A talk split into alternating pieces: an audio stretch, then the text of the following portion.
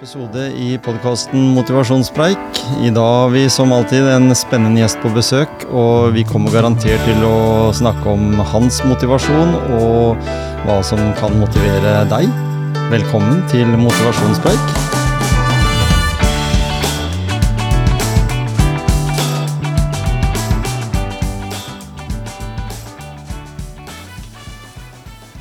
Ja, da er det en ny episode av Motivasjonspreik. Og i dag så har vi en mann som eh, kommer litt nordafra, egentlig. Hugo Stensrød Pedersen. Velkommen eh, til Motivasjonspreik. Eh, kommersiell leder i Edge Branding. Yes, takk. Det var endelig fikk vi til. Endelig. Ja. Etter mange ting fram og tilbake Ja. og, og ting som skjer, så var det slutt på omgangssyke i ditt hjem og andre typer infeksjoner i mitt. Ja, det er godt å få gjort det man faktisk har lyst til. Så å være her, det er jo eh, kjempegøy. Så bra. Jeg syns det var kjempeinspirerende for meg å få en person som jobber i den bransjen du gjør, til å snakke om motivasjon. Da. Fordi eh, er det, er det bransjer som bygger mye på det her med, med det, så er det jo nettopp, kan vi kalle det litt reklamebransjen? Ja, det er jo det tradisjonelt sett er. Enda ordet reklame begynner å kanskje forsvinne litt. ikke så sant? er jo det det, det, det finnes veldig mange andre synonymer og adjektiver rundt eh, som skal beskrive bransjen vår, da, men det er jo gjerne fort det som er gjengangeren. Men, har, men mange, mange personer har jo på en måte stått fram. Uh, Ingebrigt Sten Jensen vet vi er jo vært en nestor, hvis vi skal kalle det det, i, i den bransjen. Og stått veldig på for å bygge varemerker, bygge image til eh, andre bedrifter. Og så kan han da også egentlig gå ut og motivere andre mennesker til å finne alt fra lederstrukturer til eh, hvordan bedriften blir bygget opp. Fortell litt om eh, eller altså Før vi går inn på det. Vi hører jo det, og jeg nevnte jo det, at du kommer jo nordafra. Mm, ja, eh, godt. Ja, det er Du har, riktig du har en sånn østlandskslepen eh, Ja, nordlandsdialekt. det, det har sine fordeler og ulemper med å være gift med noen sørfra. Ja, ikke sant? Så det var kjærligheten. Ja da, det, altså, jeg er en av de få Jeg er- jeg er sånn klassisk nordmann, så jeg måtte til USA for å finne meg kvinnfolk. Ja, sånn, ja. Så når jeg studerte på, på Handelshøyskolen i 2006, så flytta jeg til USA et år og tok litt utdanning der. Og da var det helt naturlig å finne seg da ei jente fra Skien, da. Ja, ikke sant? Ja. Det er helt naturlig. Alle gjør det. Mange som gjør det. Men eh, få høre litt, da. Eh, Vokste opp eh, i Bodø-traktene. Ja. I, du er en 83-modell, så er ak akkurat runda Akkurat uh, runda så ja, jeg akkurat runda 40. Jeg feira 40-årsdagen min med sånn kollektiv omgangssyke, så det var Ja. jo kjempegøy. det, men jo da, jeg kommer ifra Bodø, og Bodø-Glimt-fan i hjertet og Odd i hodet, kan man jo si. Ikke sant? Så uh, vokste opp med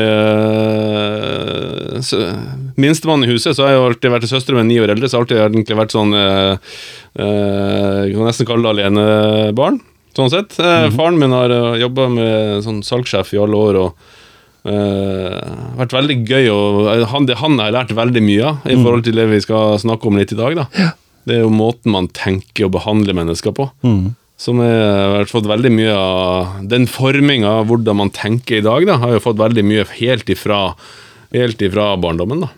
Men når det kommer sånn Du kommer fra Bodø. eh, det er litt mer avstander enn vi har her nede på Østlandet. Eh, og en vet jo det veldig ofte at eh, der oppe så, så snakker vi om at eh, en er mer gjestmilde. En er mer eh, på tilbudssida, en er mer utadvendt og sånn. Er, er det en, en god greie, da? Så du sier at eh, faren din har inspirert deg til å gå den eh, kanskje retningen du er, eller, eller forma deg som person? Det er jo det, det er uten tvil det. Mm. Det har jo vært eh, støpeskjeen i måten man skal tenke på. Eh, Når jeg vokste opp, så er det ett motto jeg har lært helt fra jeg var liten. Det, det han pappa sa, det Hugo, du må alltid se mulighetene, ikke begrensningene. Nei, ikke sant? Og det har vært en sånn også eh, Man kan si Bodø er jo en by med motvind. Du går alltid i motvind. Ja, jeg har vært der et par Eh, ganger. og, og eh, også, uten man skal spøke for mye med det, så i Bodø så er det ni vindstille dager i året. Ja. Og man, man, eh, hva man skal si, man tar, man tar veldig eh, kjærkommen det man har. Og de solværsdagene man har, de husker man, og så glemmer man gjerne de regnværsdagene. da. Ja. Og det gjør en at en har automatisk litt mer positivt syn på hverdagen. At det er ikke så gærent, for vi hadde det ganske bra i går. Ja. Så at uh, man tar, tar kanskje litt lettere på ting, litt mer rundere i kantene. Men å ha det her uh, alltid mindset i bakgrunnen at se muligheter kontra begrensninger, da, så blir verden også litt lettere. Ja, ikke sant? Og det, det var artig når du sier det, for jeg hørte det var en person fra Bodø-traktene som ble intervjua. Da hadde det vært liksom møkkavær der oppe i lang, lang tid, og så hadde de noen timer med, med sol og fint vær. Han sa det, det her holder, det. Sånn, for da er jeg fornøyd. Ja, det Som sagt, det, det er akkurat det. Og eh, vi minnes vi, ja, vi, vi tar vare på de goddagene vi har, og at det da regna veldig mye, så gjorde det ikke noe for to uker før der igjen, så hadde vi veldig mye sol. Så at å komme seg opp hit det er jo et privilegium, for her er det jo vindstille, og her kan du bruke paraply, og at det regner her, det regner jo rett ned. Ja. Prøv å gå i regn i motvind, det er jo. Det er jo jeg kaller det sånn, det er jo deilig bergansvær, det. Da går jeg ut og kler jeg på meg, og det er skikkelig storm her ute, så vet du hva, da går jeg ut. Det er jo kjempedeilig å kjenne på været. Og vi snakka jo bare om vær her nede. Jeg Ja. var misfornøyd med er- bare én dag med litt eh, snø og sludd og glatte veier, så er vi jo helt uh, satt ut. Ja, det er alltid litt, uh, alltid litt morsomt, det. Men jeg merker jo sjøl det, det, eh, jeg tåler mindre vind enn det jeg gjorde før. Ikke sant? Ja. ikke sant? Oppvekst, ja. Det, og du, du sier litt om dette her med hva som har motivert deg. Um, når du kom ned hit, da. Du sier du tok et år i USA. Mm. Var det viktig for deg i denne utdanningsløpet du var i? Eh, jeg, min bakgrunn er relasjonsmarkedsføring og økonomi. Mm. Eh, og, og eh, det jeg alltid har lært, og eh, helt ifra han pappa når eh, eh, Han var da salgssjef i, i eh, det som kalles Vår Bank og Forsikring og Sparebank1. Han reiste rundt. Han var borte ca. fem dager i uka. Ja. Reiste, eh, reiste rundt og jobba med forsikring. Og så eh, Han var veldig mye borte, så jeg fikk lov å være, være med han på tur. Han tok meg med seg eh, på tur, og, og eh, for at vi var, så jeg kunne få lov å være med, og vi kunne være sammen. da Så jeg var med og kjørte alt fra Tromsø ned til Mo i Rana, være med på hotellet og, og, og være med faktisk på middagene. Så jeg er kanskje den første tiåringen som har vært med på et svært LO-møte. Men jeg ser da hvordan man jobber med mennesker, mm. og hvor interessert man ikke Det er ikke økonomien som drivende er å, å, å gjøre andre bedre. Og jeg husker så godt det var, Jeg husker hvor jeg var nå. Det var akkurat mellom Bodø og Fauske. Vi skulle til Narvik. Og da husker jeg at pappa fikk en telefon. Eh, så tok han den på handsfree, og så hørte jeg det var en eller annen sjef i eh, et stort, eh, stort forbund. da Så ringte han og så sier du, Kurt, vi velger deg for tre nye år. Og så sier han så fantastisk. Og så spør, jeg, så spør, han- spør han alltid, da. eh, Hva var det som fikk deg til å velge det? Det her var en kjempekontrakt. da. Da sier han at det er ikke, det er ikke selskapet vi velger, det er deg. Ja. Fordi at uh, du står foran, og du gjør oss gode, og gjør våre medlemmer gode. Og da, da er det din kunnskap, og det er deg vi velger, det er ikke nødvendigvis selskapet. Og fra den dagen, og da var ikke jeg kanskje mer kanskje enn tolv år, da begynte jeg å tenke på yes, det er relasjonen mellom menneskene som gjør at man gjerne gjør de valgene man gjør. Og så representerer man da en merkevare, selvfølgelig utad òg, men det er jo måten man representerer merkevaren på som gjør at man blir valgt. Men må, det må være ekte. Ja? Det må ikke være noe påklistra overfladisk noe. Det må være ekte, det må være genuint. Mm, og det merkes. Det merkes, og, og, og det var den jeg var i USA. Eh, Da tok jeg halve masteren min der, og da studerte jeg alt fra internasjonal markedsføring og Det var 2006, det var før Facebook kom. Det var året Facebook kom, faktisk. Det bodde Ja. jeg i college, det var ganske gøy. Eh, Da var det de professorene der De jobba 50% høyt innenfor sitt felt. Kontra forelesere i Norge, de er heltidsforelesere, de, og, og preker teori. Men så kom du til USA, så preika de praksis. Da snakka de om, snakka de om internasjonal markedsføring. Ja vel, da jobba han Han var, han var markedssjef i Land the Lakes, som da er Yoplay og sånt, da, og Ja. viste hvordan jobba han med internasjonal markedsføring. Og det samme da med HR. Han var HR-sjef i en stor avis. Hvordan jobba han faktisk med HR? da? Så man fikk sagt det i perspektiv. da. Mm. Så når du da fikk den erfaringa, så var jo det veldig viktig å ta med seg. Eh, Så, så havna du inn i regnskap.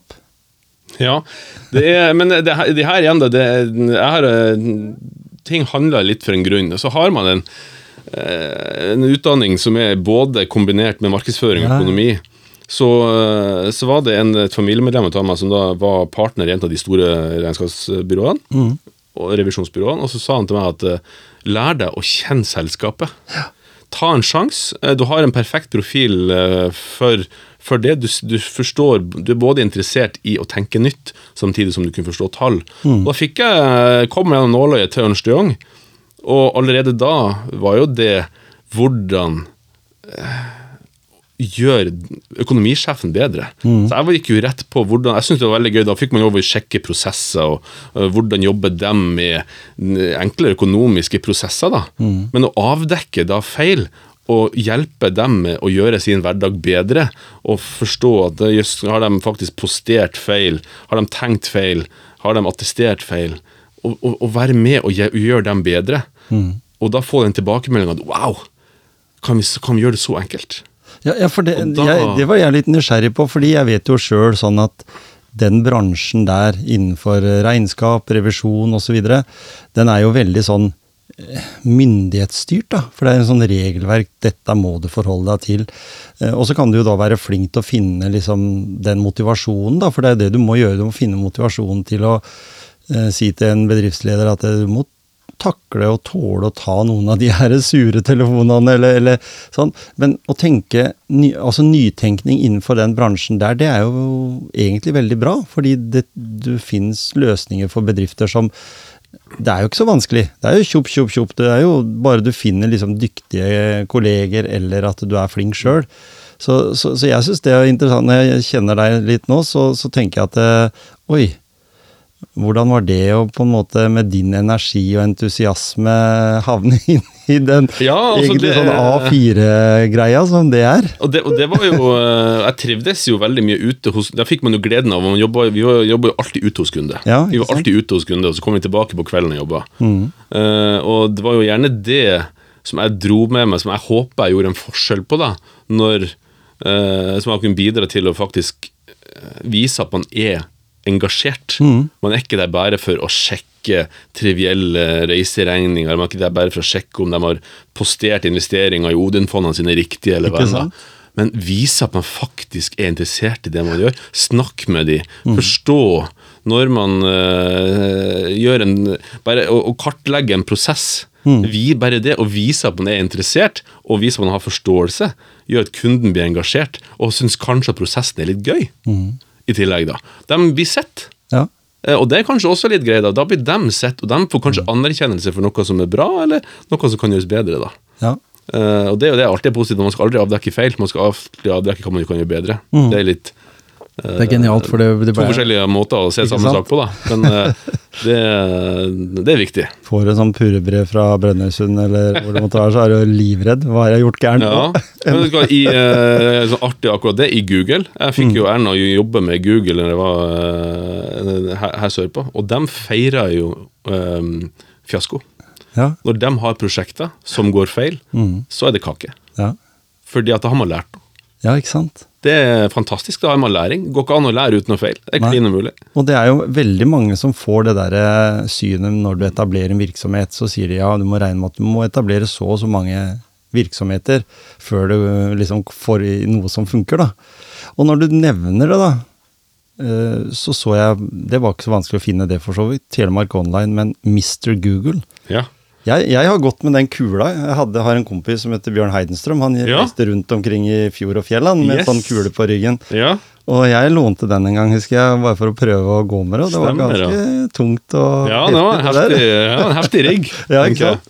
Så, men så spennende. Altså, vi vet jo hva som skjer med Google i dag, og vi vet jo hva som har skjedd siden den gangen også, for det har jo skjedd sinnssykt mye innenfor det, den delen der. Vi, vi, kanskje vi til og med får Google her i fjorden etter hvert.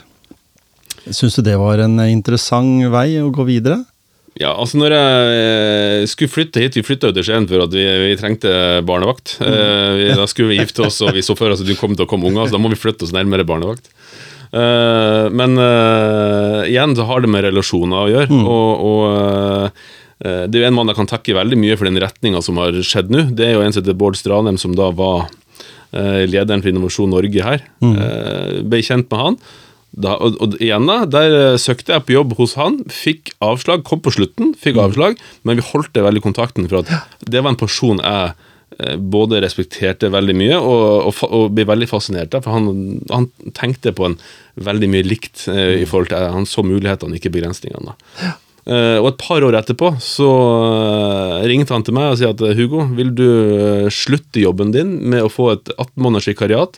Vi vet ikke helt hva vi skal, men vi skal jobbe med Google, og vi skal gjøre noe fantastisk.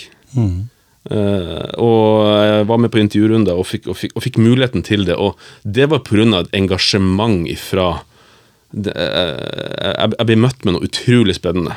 Så det, det var Formålet der var å, å gjøre næringslivet bedre i Telemark på digitale markedsføring, på digitale medier. Og resultatet av det er jo at øker man synligheten til næringslivet, så øker man attraksjonskrafta til fylket. Så da var det jo eh, Bjørn Rikard Johansen, og det var fylkeskommunen, og det var, eh, det var eh, Google og Innovasjon Norge. Alle gikk sammen da. Og satte meg i førersetet og fikk lov å være med å forme et prosjekt som da varte i tre år. Og da så man litt Det var jo noen umulige faktorer der. Da fikk man hele bransjen i reklamebransjen, Telemark, til å stå sammen. Det var arkekonkurrenter. Mm. Det var skikkelig Texas på den sida der i forhold til reklamebransjen. Ja. Eh, men da fikk man alle dem, sto sammen, leverte kurs da gratis på vegne av, eh, av sin bransje til næringslivet.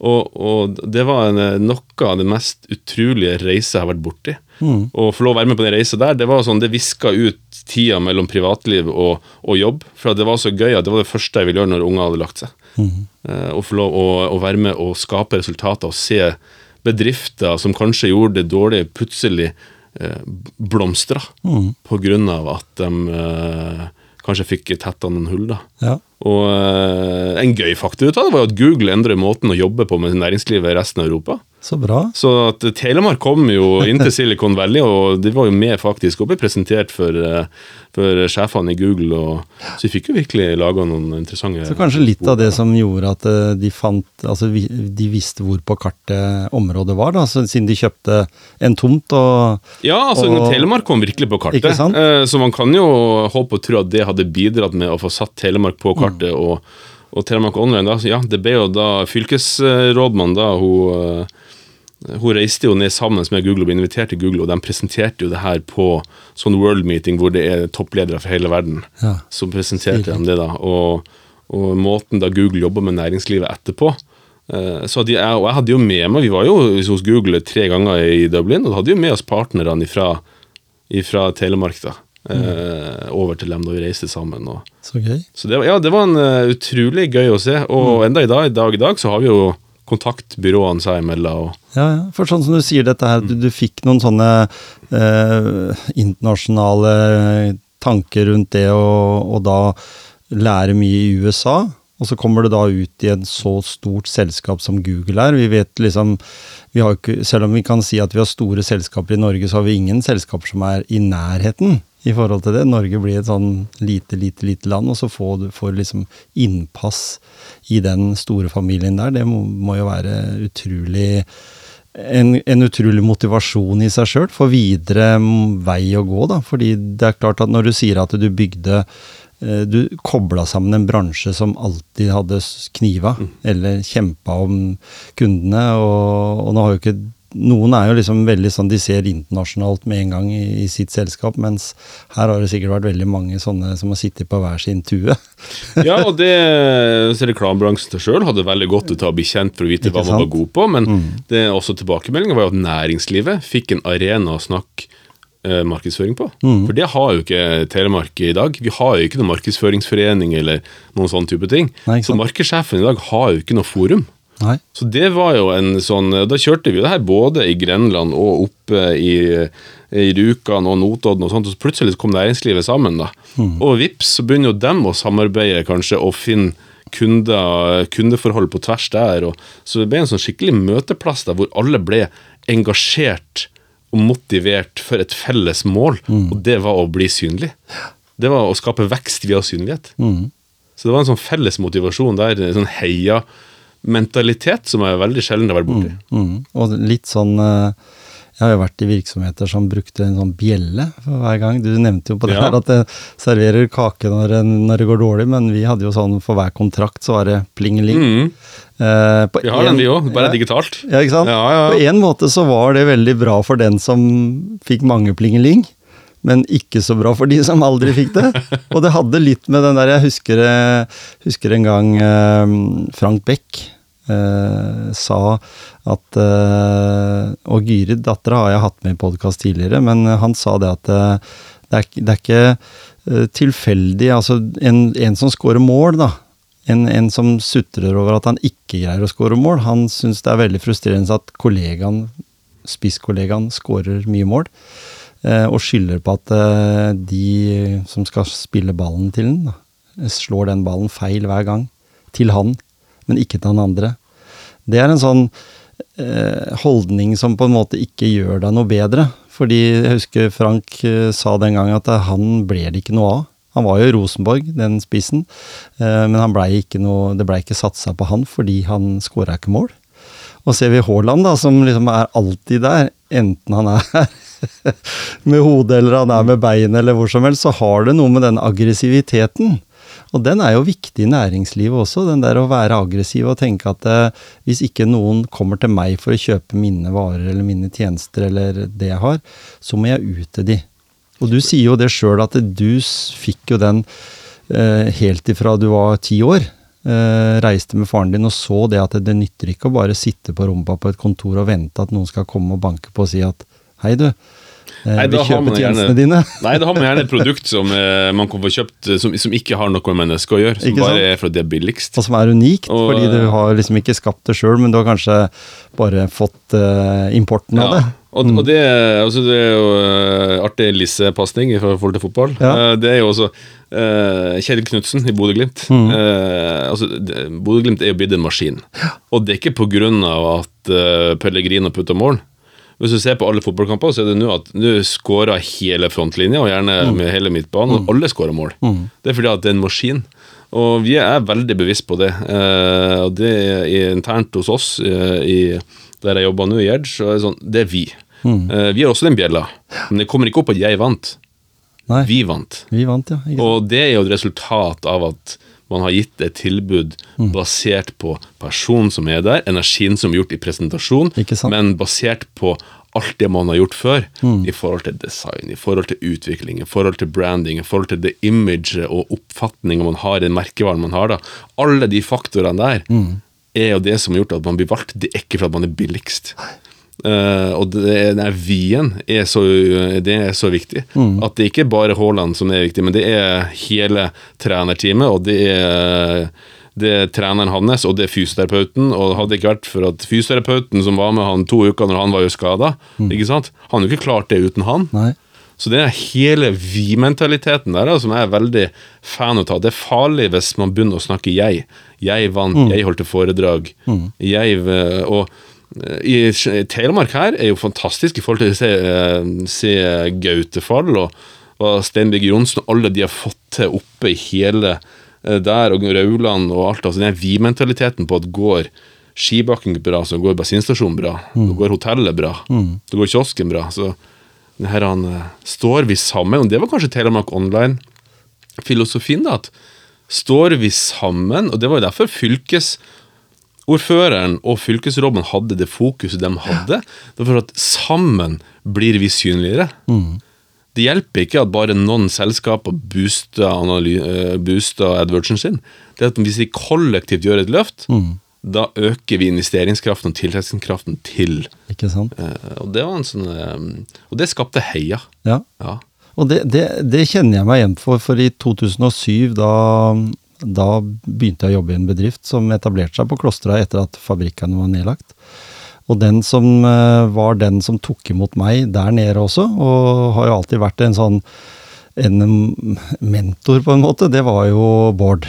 Ja. Han, eh, han jobba i et selskap, eller han var med å etablere noe som heter GaiaWare et eller annet. Og så hadde vi Grenland Web, og alle vi satt på noen kjøkkenstoler inne på Ja. Klostergata før de var Mm. ferdig på Kunnskapsverkstedet.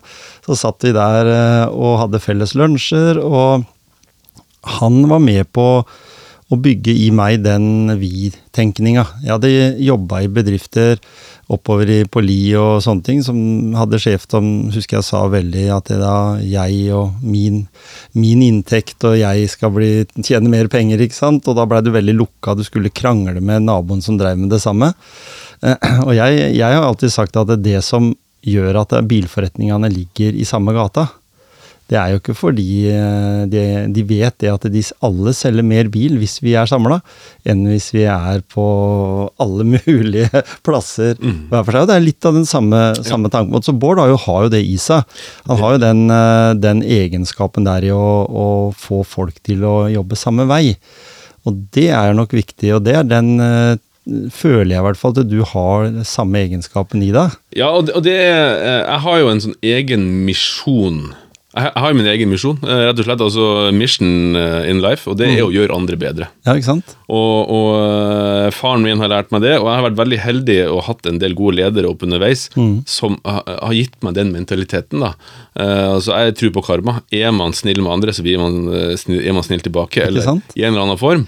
Men at det må være ekte. Og jeg jeg må si, Bård fortjener all ære der i forhold til å se folk og gi mulighet å heie.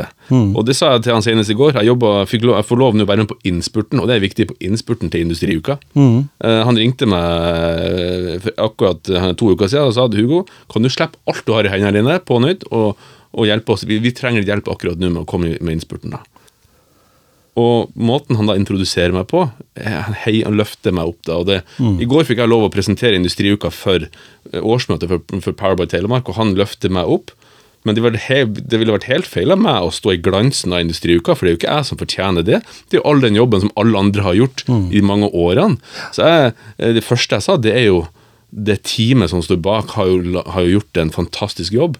Eh, fordi at man må aldri ta glansen ifra andre. Man er nødt til å, å, å, å, la andre skinne. Eh, det er, man må aldri tenke på at man sjøl skal skinne først. Man må, det, jeg synes det er mye bedre å heller skinne gjennom andre. Skinne gjennom at, Hvis kunden min sier at øh, Vet du hva, Jeg snakka med sjefen min, og han er så fornøyd. Altså sin sjef igjen. Ja. Da har jeg gjort jobben min, da, for jeg har gjort han god. Mm. Og det her mentaliteten med å, med å heie på andre og bare tenke på at gjør man andre bedre, så har man gjort noe godt. Og, det, og det kommer, da kommer vi inn på dette her med lederegenskapen. Da. Du sier jo mye om det i forhold til det å gjøre andre gode. Gjøre andre rundt deg. Og bruke dette her vi og oss uh, istedenfor meg og jeg. Eh, og da, da tenker jeg eh, det å være i eh, Edge eh, Branding Dere var i R8, eller dere er jo det fortsatt, men det var det som tidligere het R8. Ja. Mm. eh, og kommersiell leder, hva går det ut på, da? Å være kommersiell leder, er, det kan jo være så mangt. Eh, min rolle er jo at eh, vi skal eh, sikre at kundene våre blir fulgt opp. At vi er både rådgiver på egne, egne, egne kunder, men skal jeg også være gjerne en person utad, og jeg skal hjelpe de andre rådgiverne til, i, i vanskelige kundecaser. og skal liksom sikre at vi har en linje for å drive vekst mm. i, i veldig stor grad. Ikke sant? Og det, jeg har jo jobba sjøl i selskaper som Elixia, jeg jobba i Tårn, jeg jobba i flere sånne kjeder, og da var det alltid viktig med de her nye kundene som du skulle ut og fange. Du skulle ikke tenke på de du hadde, men du skulle ha fokus på de du ville ha. Eh, Jeg har alltid uh, syntes at det har vært en dårlig strategi, for jeg vet at hvis vi tar godt vare på de vi har, eh, så er de mye mer trofaste, og at de får føle seg sett, som du nevnte her. Eh, Hvordan tenker du om det? Er det en slags eh, Siden du sier din rolle er litt sånn, eh, føler du det samme?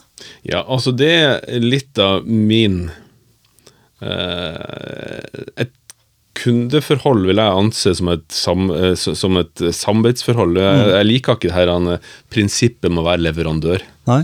For da gir man bare en tjeneste. Men er man en samarbeidsperson, så har man også et ansvar med å ivareta en del av relasjonen. Og øh, vi har jo en sånn verdi som at det er basert på tillit og engasjement. Og jeg ønsker jo at det skal komme begge veier. Jeg skal ikke ta det for gitt at kunden skal være superengasjert, men det jeg syns er vårt ansvar som reklamebyrå, er å, å være den som skaper engasjement. Vi skal ikke sitte og vente på at kunden skal ha nødvendigvis et behov. Vi skal være de som kanskje leder an og motiverer til behov, eh, og utfordrer dem. Og, jeg liksom, Det var en kunde av meg som sa at han er ikke interessert i noen nikkedukker, for da kan han gjøre jobben sjøl. Eh, og han motet til å si nei. Har du tenkt på hva hvis? Og være den utfordreren da som, som, eh, som sparer litt. Og det, da tror jeg man får engasjement hos kunden, og at man blir da motivert. Og så tror jeg også at resten av teamet blir motivert, og da, så man klarer da å få en sånn eh, da, da har man lyst å, å, å skape noe, da, og investere i noe. Ja, og så når du bygger da en profil i en bedrift, eksempelvis da hvis jeg sier at du har et rørleggerfirma eller en elektrikerfirma da, som har kjørt med samme logoen på bilen og den er blitt litt usynlig i. De har sikkert kanskje litt nok å gjøre, men de har liksom ikke fått muligheten til å ansette flere folk og bli noe større.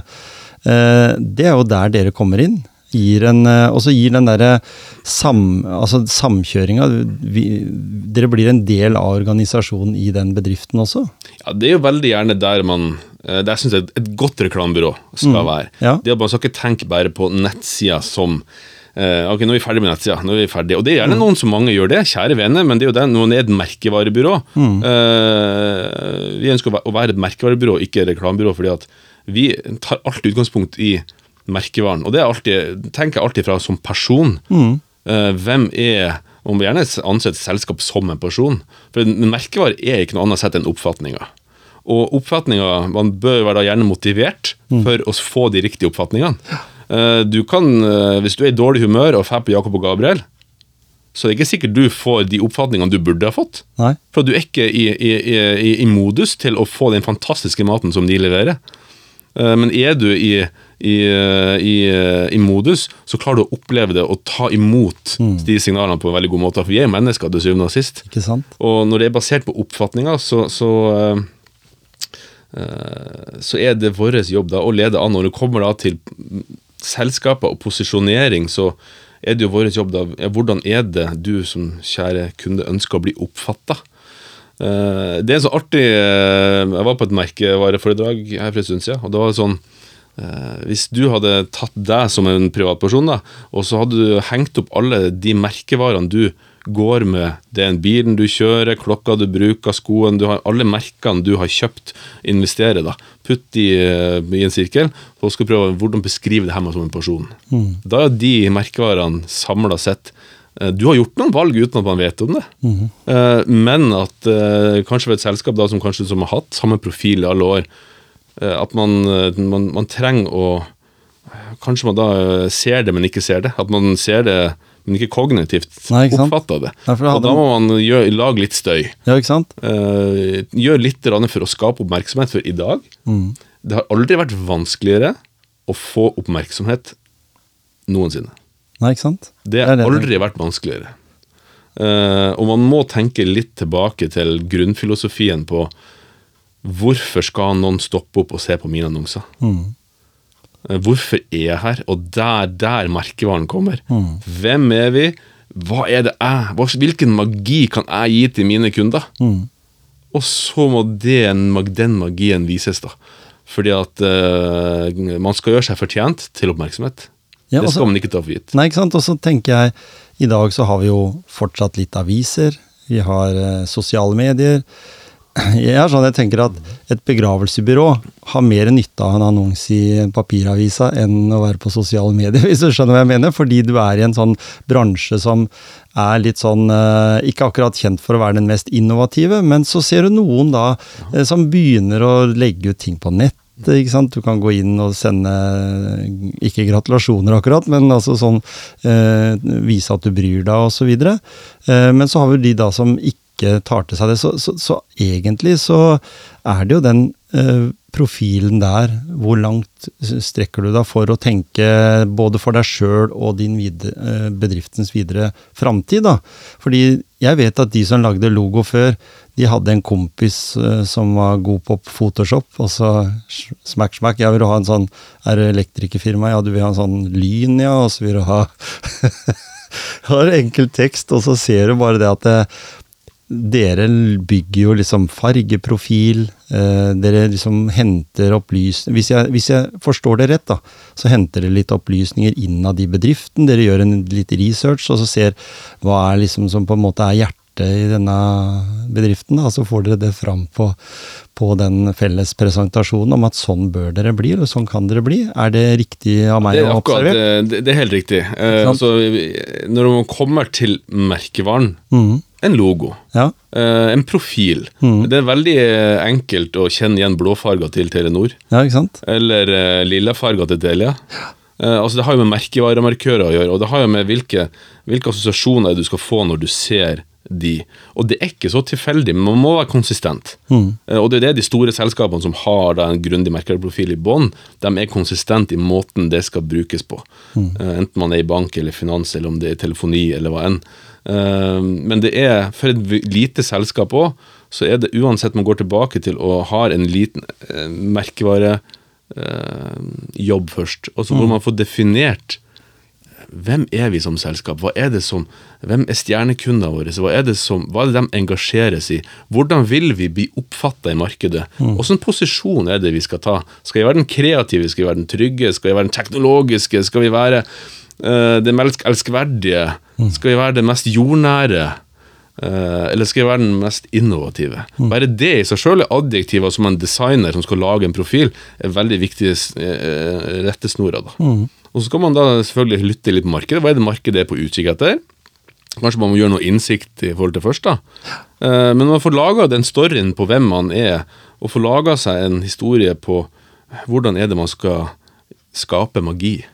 Og, det, det, og, det, og det er der, la oss si reklam, eh, begravelsesbyrå, da. Når er det en begravelsesagent skaper magi?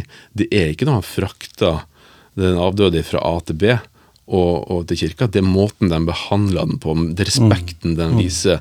Hvordan er det du kommer i møte med en begravelsesagent? Hvilken valg, Hva bør du tenke på i forhold til det møtet? Den tryggheten og kjærligheten de skal vise under hele prosessen. Da. Det er jo det som er det er jo, så, kom, så finnes noen avarter. Noen er kanskje eh, mer fokusert på design, på måten de rigger det på. Kanskje noen har mer fokus på det teknologiske rundt, rundt prosessen rundt begravelsen og, mm. og den type ting. Så man må finne sin nisje. Det er viktig, Jeg tror det er smart å ha en nisje, men å vite når er det kunden føler magi. Ja. Og min magi, det er jo når kunden sier til meg at på et eller annet sett at de har blitt bedre. Wow-effekten, da. Yes, og fy søren, det her var gøy. Det her var bra.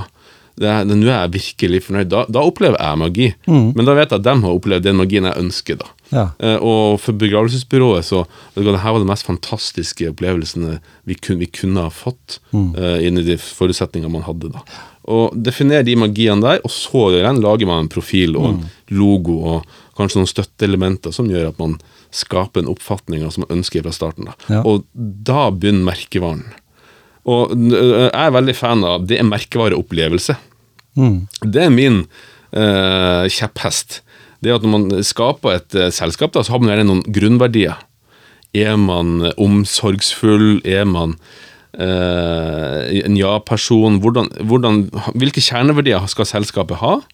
Hvordan tar de det her ut? Og da når du definerer hvordan merkeopplevelsen skal være, det er jo den du skal ta med deg når du går ut i et kundemøte, eller går ut og holder en presentasjon, eller Da skal du mikse hvem du er, med de verdiene som selskapet har. Og da formidler du både din egen merkevare, kombinert med det merkevaren du har i ryggen, og som gjerne er selskapet du representerer. ja, ikke sant? Og det er der jeg mener daglige ledere, markedssjefer, HR-personer, alle som kjører medarbeidersamtaler, bør ha verdiene og merkevareopplevelsen som kjernen i sin medarbeidersamtale. Hvordan kan vi gjøre deg, kjære ansatt, god nok til å etterleve og forstå verdiene våre? Og når du er i dialog, enten du er mekaniker, eller du er, du er bedriftsleder, eller selger, eller du er slakter, eller hva enn. Uansett yrke, hvordan er det du representerer merkevaren din når du jobber? Mm. Og da tenker jeg Jeg ga ut en bok eh, om livsmotto i 2015. eh, og etter det så jobba jeg mye med Kall det litt enkel forskning. Jeg, jeg ville jo skrive en bok nummer to. Så da, da vil jeg gå litt mer dypere inn i dette. her, og, og, jeg fant ut av det at en del bedrifter i Norge f.eks. var veldig dårlige på det med å ha en, et livsmotto, da, eller en, en visjon. Uh, til og med store bedrifter hadde veldig lite av det, mens uh, borti USA så var det med visjonen den var veldig viktig å spre helt ned til han som jobba på lageret, til og med. At han visste godt hva den bedriften hadde som visjon. Uh, var det riktig av meg observert den gangen? Altså Det har sikkert ikke Eller kanskje endra seg fordi dere har gjort en god jobb med bedrifter som på en måte bør ha en felles mm. måte å tenke på, da. Fordi det, det tror jeg har liksom Hvis du har hjerte hjerte for jobben din. Altså du, du, du, trives på den, og du blir tatt vare på, du blir sett helt ned i eh, organisasjonen. Eh, mm. Jeg jobber jo på Sykehuset Telemark, der er det ikke alltid at vaskehjelpa blir sett. Men hvis ikke hun eller han kommer på jobb, så må de stenge bedriften. det, er så, altså det, er jo så, ille, liksom, og sånn er det jo i mange andre tilfeller også. at det, Dette her funker ikke hvis ikke vaktmesteren er her og, og skifter den lyspæra eller, eller det, får i gang nett, internett, liksom. det, det, det, det, du beskriver her, er jo hvorfor skal du gå og stå opp om morgenen? Mm.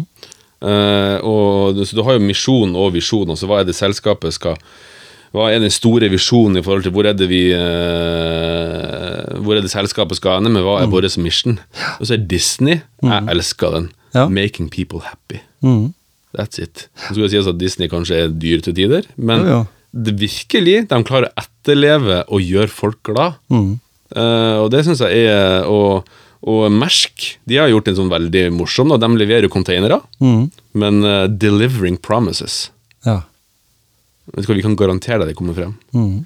Og, og, og uh, mens jeg jobber, jobber akkurat med et selskap på akkurat det her i forhold til hva er det man faktisk skal gjøre. For det, jeg tror at man, man trenger en, en, visjon og misjon for å skape retning for selskapet, for å vite styrer man skuta i riktig retning. Mm. Styret bør ha, i alle beslutninger de gjør i forhold til investeringer og type ting, så må vi se på hvor, hvor er det vi egentlig skal hende.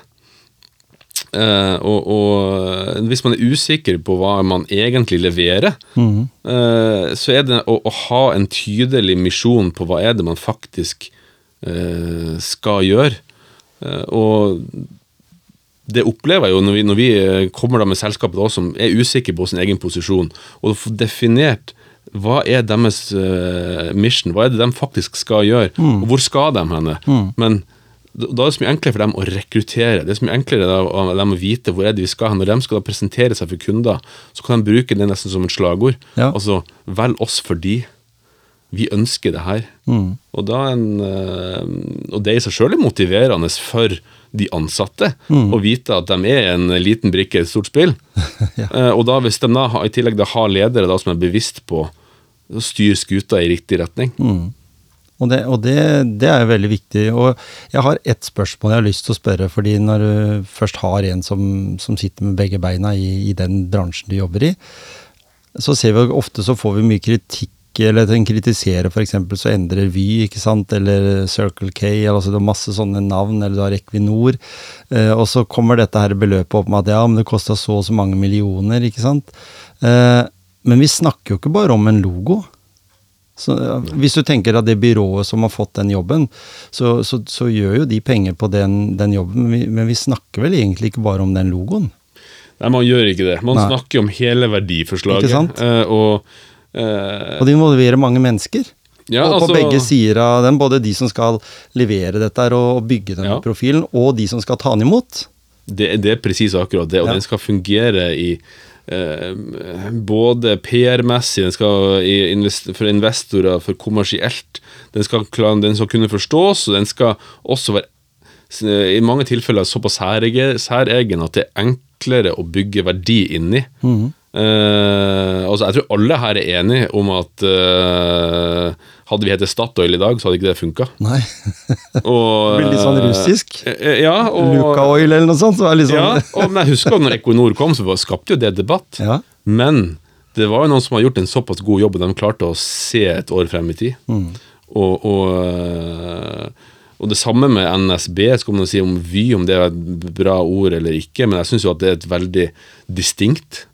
Og jeg er veldig fan av, og når man skal bygge navn, så bør det ikke skape forvirring. Det er det viktigste når du skal lage et navn. Det er å ikke skape forvirring i forhold til Ja, men er det her Driver de med noe annet? Kan det assosieres med noe? Men med en gang du, du har et navn som man kan bygge verdi inn i, og, og, og, og har liksom Yes, vi er prikk, prikk, prikk, også på grunn av. Også, det, er, det er så mye enklere da å, å eh, å bygge budskap og kommunikasjon rundt. for Man skaper ikke noe forvirring. Men det er en eh, Du sa Apple. Det tar ikke lang tid å tegne den logoen der, hvis du skal tegne den, men da det tok lang tid å få det til. Ja, Eh, Det enkleste er ofte det vanskeligste. ja ikke sant? Det er godt, eh, en god måte Det, er- det Sammen med kommunikasjon og det. Man kan si ofte at ja, det her kan jeg skrive sjøl, men tro meg, det, har, det, det, er, det ligger mange timer bak det å formulere seg riktig. Nettopp. Vi har snakka mye om bransjen. Eh, Jeg syns vi har fått gjennom linjen her, vi har fått snakka mye om motivasjon og hvordan, hvordan det preger deg. Hvor viktig det er å ha en god kommunikasjon med, med ulike kunder. Personen Hugo, da. Eh, Hva er det han driver med når han ikke jobber? Når jeg ikke jobber Altså, da, da kommer jo selvfølgelig klisjeen, da. At eh, ja da, da man er tobarnspappa, så det går Ja, ja. veldig mye i, i, eh, i hus og bil og sånt. Jeg, eh, altså, jeg, jeg har jo en forkjærlighet til lyd og bilde. Mm. Det har jeg. Så i kjellerstua så har jeg fått lov til å fått opp åttetommers uh, lerret og ha skikkelig surround-anlegg med eh, så ungene elsker jo å være der nede og se film og ha hjemmekino og sånne type ting. Jeg setter veldig pris på Jeg setter veldig pris på avkobling. Mm. det gjør jeg. Sånn at det, er jo den ene tingen som jeg har lært meg, eh, spesielt at i, løpet av pandemien. Mm. I pandemien så gikk jeg inn i en sånn type mørk tid. og Det var en eh, Eh, Da var det en som heter Fabian Heyerdahl, som eh, var en gammel kunde av meg. Han eh, var personlig trener. Så vi, når jeg var i Vera, der jeg var før, så etablerte vi X, eller han etablerte XOPT. Ja. Et eh, PT da, og da eh, fikk jeg trening på agendaen. Mm. Og jeg har jo blitt uh, veldig glad i det å Jeg er blant mennesker hele dagen, og man, man bruker veldig mye av seg sjøl når man skal representere seg sjøl og merkevaren. Og, så jeg syns det er veldig behagelig å og når man da også er ferdig med, med barn og får lagt det og sånt, da, faktisk ha litt alenetid noen ganger. Eh, og så må man respektere tida at man har også en kone som man, eh, og en familie og et hus og alt sånt. Men å få lov å være alene Så jeg har på Exo der så får jeg lov å ha studio alene. Så to dager i uka. Så har jeg faste tidspunkter. Onsdag halv sju, og faktisk da på fredagene er der klokka halv seks om morgenen. Ja. Og Mange sier at det er tulltøys, men etter nå to år så våkner kroppen nå klokka fem om morgenen automatisk. Ja. Og det er pappatid. Da er det alenetid. Og da er det fokus. Da klarer jeg å ha på god musikk, og kanskje forberede meg til noen presentasjoner. Hvordan skal jeg løse ting, og, og eh, hvordan så jeg har et dilemma eller noe sånt. Og så får jeg tenkt på sånne ting med musikken på ørene. da. Han sier jo det at eh, det å, å drive med fysisk trening, eh, kanskje bare det for de som liker å gå tur, så blir de mer kreative. Går du med noen, så er det alltid det er aldri problem. Det er de fem første minuttene, så går det kanskje litt rått, men etter det så tar samtalen helt av. Det er da alle ideene kommer. Men, jeg, jeg, jeg tror det, men du må ha noen og Jeg hadde aldri klart det å få den konsekventen her, hadde ikke hatt han i det Nei, hjørnet. ikke sant? Eh, og det vet jeg. Sånn at Jeg hadde aldri klart å eh, og Det har jo liksom også man skal da klare å trene for å føle seg bedre. Og så kan man, Jeg er veldig fan av å ikke gjøre noe som påvirker hele hverdagen. Så at ok, jeg lærte meg sånn ok, Spis en potet mindre, eh, ta litt mer grønnsaker, litt mindre saus, men du, jeg ikke endre hverdagen. Jeg har veldig trua på at man må tilpasse hverdagen, ikke endre hverdagen så mye. Nei, ikke sant? Fordi at klarer man å tilpasse, så mye enklere å justere livsstilen. Men Endrer man livsstilen fullstendig, så tror jeg at da bryter man mønsteret til slutt, og så kollapser man. Men etter nå så har jeg liksom eh, gjort noen sånne enkle retningsvalg, da. Så har gjort at jeg har motivasjonsmessig endra seg fabelaktig. Ja, og da, det vi snakker om der, er, da er vi helt inn på indre motivasjon. Når du gjør disse tinga som, som en eh, For det er jo disse her vanene vi sliter med. Altså det, det som blir Altså, bare å ta med den eh, tøyposen til butikken istedenfor å kjøpe en plastpose, liksom. Ja. Jeg, jeg har sagt til den lokale kjøpmannen eh, bort på Rema her at eh, hva hvis du tok 1000 kroner for den posen? Mm. Ja, du sier det. Da hadde du ikke glemt den der tøyposen neste gang, tenker jeg. For vi har jo overalt. Og det er litt på det samme måte som trening er. Tre- Det med kosthold, at en blir bevisste fordi eh, vi vet at eh, vi er veldig sånn når vi skal gå av noen kilo, så tar vi en sånn ekspresskur. Men eh, hvor lite bra det er for kroppen, det er jo fordi det er kortvarig lykke. Det er jo det er kortvarig. Og, uh, under pandemien så la jeg til la, Jeg la på meg ti kilo. Jeg merka at jeg var deprimert etter hvert og kom inn i et så mørkt hull. Og når jeg snakka en del med, med Fabian, da, så skjønte jeg liksom at ok, det var, jeg trengte struktur. Mm. Uh, jeg tror at struktur er veldig viktig, men at uh, for min del så hadde jeg gått på noe sånn slankekurs, hadde jeg hoppa tilbake igjen. Ikke sant? Men jeg måtte gjøre noen sånne gode endringer som ikke påvirka familien, og som at barna ikke skulle stille spørsmålstegn til. Mm. Eh, Jeg er veldig troa på at uh, ungene skal det, det her er min personlige mening, da, men det, eh, ungene har veldig godt av å se at mm, man lever helt vanlig, Mm. eh, men at eh, trening er gøy. Så de er jo med meg på treningsstudio, for der får man lov å være når man er alene. Så de syns det er kjempegøy å med på- være med pappa og trene. Ja, så bra. Det er mo- kjempemorsomt, det. Det er ladinga di. Det er Har du andre ting? Eh, Du sier du hører, er mye glad i lyd og musikk. Er det, da må jeg spørre, hva er favorittartist innen musikk? Hva hører du mest på? Type musikk? Ja, nå nå jeg skal si uh, Harta Sivertsen og Bodø-Glimt uh, som sådan, da.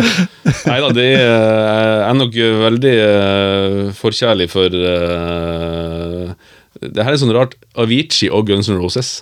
Ja. Begge deler. Er Avicii på, på, på eh, Med eh, Par 2 heter den, da. Altså det, det, det, det, det er fordi musikken er bare så fantastisk motivasjonsmessig. ja, ikke sant? Eh, men eh, å, å høre på gode, gamle 90-tallsrock er helt fantastisk. Ja. Det, det, det liker jeg på i bilen. Jeg, enten jeg skal inn i et eller annet møte eller hva som helst, eller har hatt en, eh, trenger litt boost, så er det å få det på inn i bilen er helt mm. magisk. Altså. Jeg, jeg har en sånn eh, Den her låta til Die Straits eh, med den derre MTV eller noe sånt. Jeg husker Ja. ikke hva tittelen. Den, er- den som starter der med noe trommegreier og sånn. Den er sånn skikkelig sånn. Og det er som du sier, noen sånne eh, En, en gitarsolo, et Mm. eller annet sånt noe. Sånn Hotel California. Og så, Ja. så, så, så personlig så hører jeg jo på veldig mye forskjellig musikk. Jeg er sikker på at eh, eh, noen ville ha ledd litt av den spillelista jeg har når jeg eh, både trener. Jeg kan jo høre på fra Dire Straits til eh, Gabrielle fra Bergen, liksom. Så, så det er mye for, forskjellig sånn. Men eh, jeg tenker at vi nærmer oss slutten. eh, men jeg har lyst til å spørre en ting eh, når vi er inne på motivasjonspreik, da. Hva er det kan du, kan du si noe konkret? Hva er det som motiverer deg mest i hverdagen? eh, eh, sånn kort fortalt? Du har jo familie, du har sagt mye om familie, Ja. og sånt, men Nei, men- hva er det på en måte som er drivkrafta? Hva som er drivkrafta mi, er å kontinuerlig bli bedre. Ja. Bedre som person, bedre som pappa, bedre som bedre profesjonelt. Jeg trenger utvikling. Mm. Eh, Jeg trenger å vite at det jeg gjør, det eh, Det er et steg i riktig retning til noe. Men å, at man bygger stein for stein litt sånn riktig i forhold til at jeg bygger kunnskap på, på ulike deler på jobb. Jeg ønsker ikke å bli en sånn kun kun én ting, men å, å lære multi eh, Å være liksom multifasetter da, på, på ulike typer fag, men også bli bedre på trening og bedre å skape resultater. Da, som kanskje mitt mission er selvfølgelig å gjøre andre bedre, men det vil nok ultimate er å skape resultater. Eh, uansett eh, hvor man er, og ikke minst hvis jeg klarer å hjelpe andre. uh, hvis jeg får lov å være personalansvarlig og snakke om hva er det, når er det andre føler magi, og få andre til å føle magi, Mm. det er kanskje en sånn Det er også et resultat. Uh, å se at andre lykkes, kanskje fordi at jeg har hjulpet med noe, Mm. Da. Det vanskelige spørsmålet er jo, det hvis jeg spør deg da, hva ville gode kollegaer av deg si om, om deg? Jeg håper de vil si at jeg er en motivert person som kanskje ikke tar et nei for et nei. Mm. Eh, det er nok den som Ja, men hvorfor ikke? Jeg er litt der. Mm. Hvis noen sier nei, ja, men hvorfor ikke? Kom igjen, da. Hvis vi gjør litt sånn og sånn, klarer vi ikke å få det til? Jeg er litt der, og jeg håper at det er noe jeg smitter om, at jeg, jeg er han som eh, prøver å få ting til, da. Mm. Og utfordre litt. Er du en virvelvind, eller en virvelvind på kontoret, da? Altså sånn at du, du, du avlaster kolleger litt for, fordi du har mye energi sjøl for å gi de energi, eller? Jeg håper jo det, Ja. men selvfølgelig må jo roe man det òg. Kan jo ikke bare være tigergutt. Jeg er nødt til å være litt Ole Brumm òg, for det er jo viktig at eh, det er kanskje andre som skal få energi. Så at eh, jeg, jeg prøver. Eh, jeg har litt, man må ta på seg en positivitetssats for å tenke positivt. Og det er viktig da å ha med seg engasjem- eh, Er man engasjert, så smitter man. Ja, Det er veldig vanskelig å bli sint på en person som smiler. ja ikke sant? Det er en sånn eh, greie man må tenke på. Jeg Det er veldig vanskelig. Er Kom, og når man er i en dialog, konflikt, et eller annet, Mm. smiler du og er happy og løsningsorientert, veldig vanskelig å bli irritert på. Altså. Det er det, og jeg har et livsmotto fra Bård Hoksrud, faktisk. Han har det. At, Ja. at han smiler i enhver situasjon. Da er det veldig vanskelig å få de eh, dumme og teite og håpløse spørsmåla som du kan få som Frp-politiker. Nei, men det ligger noe i det. Og, Ja, med, og, og, og jeg tror at som menneske har vi på oss den knaggen i ryggen at er man rakrygga og smiler, Mm. Da er det så mye enklere å, å, å, å holde på motivasjon, og ikke minst eh, spre motivasjon. er sant? Og, og hun som du lever sammen med, hva vil hun si om Hugo? Jeg tror hun eh, Hvis hun er hjemme, så er det sånn at hun er eh, Hvis hun tenker på et selskap, da, så er hun sjef. Ja. Og hun er drivsjef. Så hun, hun er veldig fokus på å få ting gjort. Jeg har mye mer fokus på at vi skal ha det bra. Mm. Eh, sånn klassisk. Så jeg er den som tenker på ok, hvor skal vi på ferie, når skal vi, hva skal vi gjøre i helga, skal vi gjøre noen fritidsaktiviteter og sånt. Hun er mye mer flinkere på. eh, har vi gjort det vi trenger hjemme, da? Og så utfyller vi hverandre på det veldig godt, da. Det høres ut som en god løsning. Så det ja, det er viktig å utfylle hverandre. Absolutt.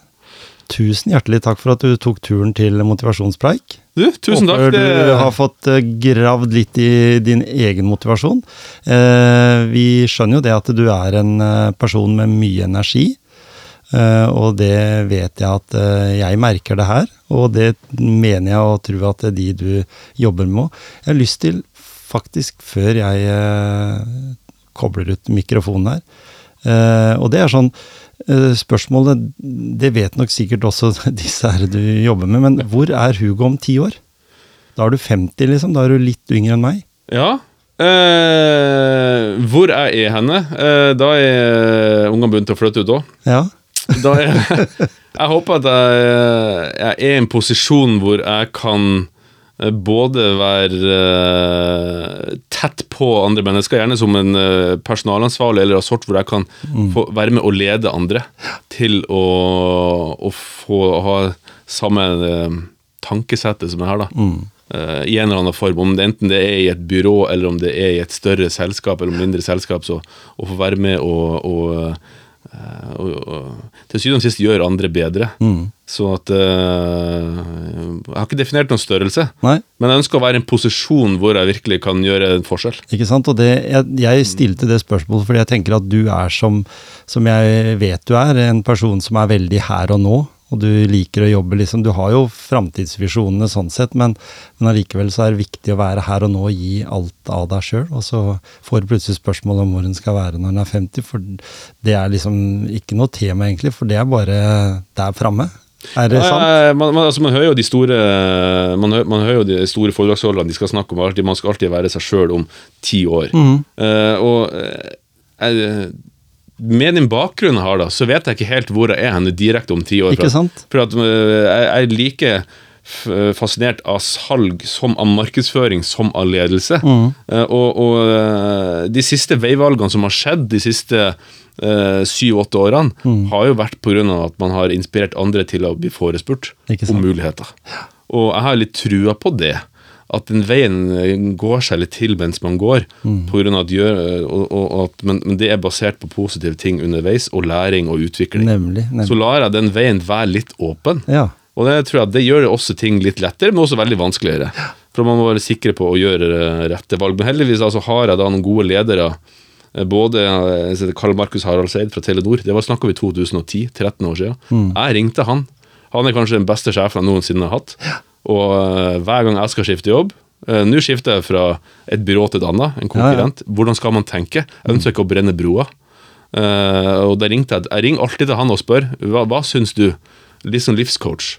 Og, og, og da liksom få debattere litt på hvordan, hvilke smarte valg skal man gjøre. da.